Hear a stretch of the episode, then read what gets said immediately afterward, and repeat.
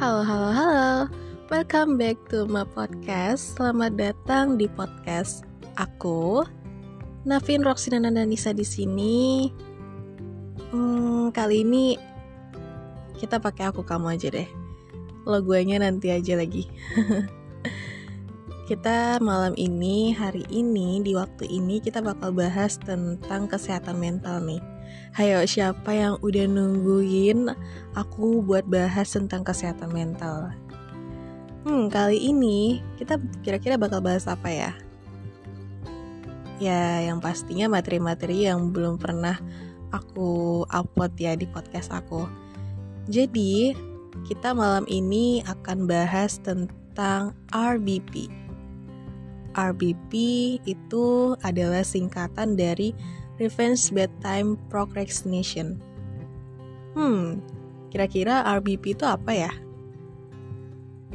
RBP itu adalah penundaan waktu tidur sebagai balas dendam untuk melakukan kegiatan yang menyenangkan diri, lantaran nggak punya waktu luang di siang hari.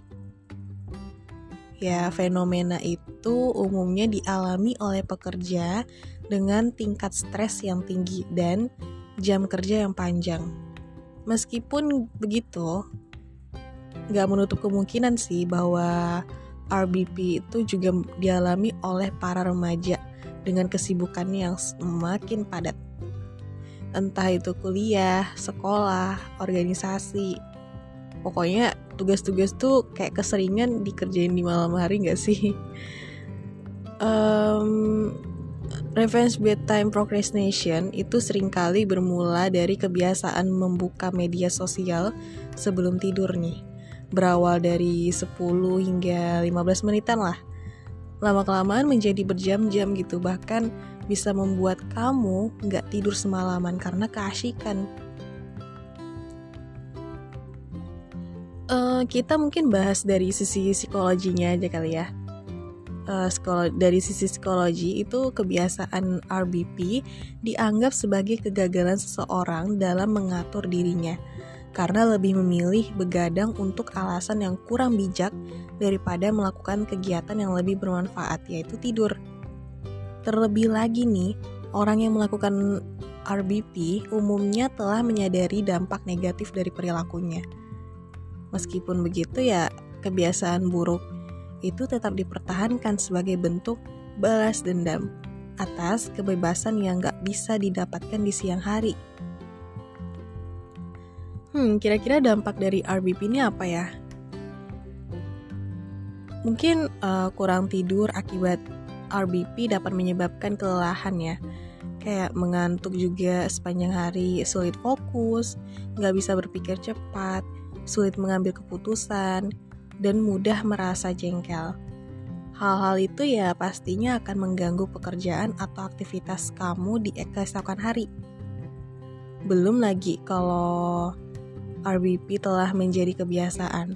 Kurang tidur yang berlangsung secara terus-menerus bisa meningkatkan resiko terjadinya sejumlah penyakit, seperti penyakit jantung, diabetes, obesitas, gangguan hormonal, dan depresi.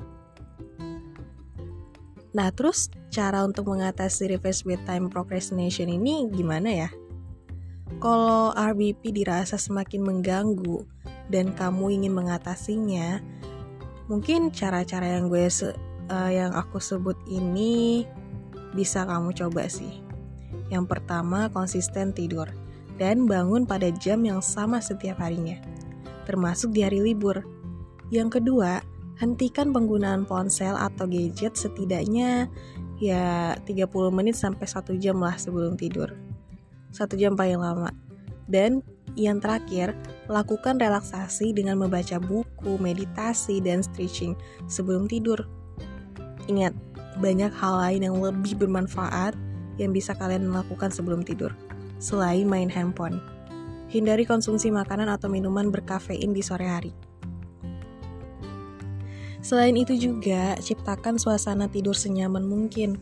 Misalnya dengan mengatur suhu kamar, meredupkan pencahayaan, atau menyalakan diffuser, uh, diffuser yang sudah ditetesi essential oil yang akan membantu kamu tertidur lelap.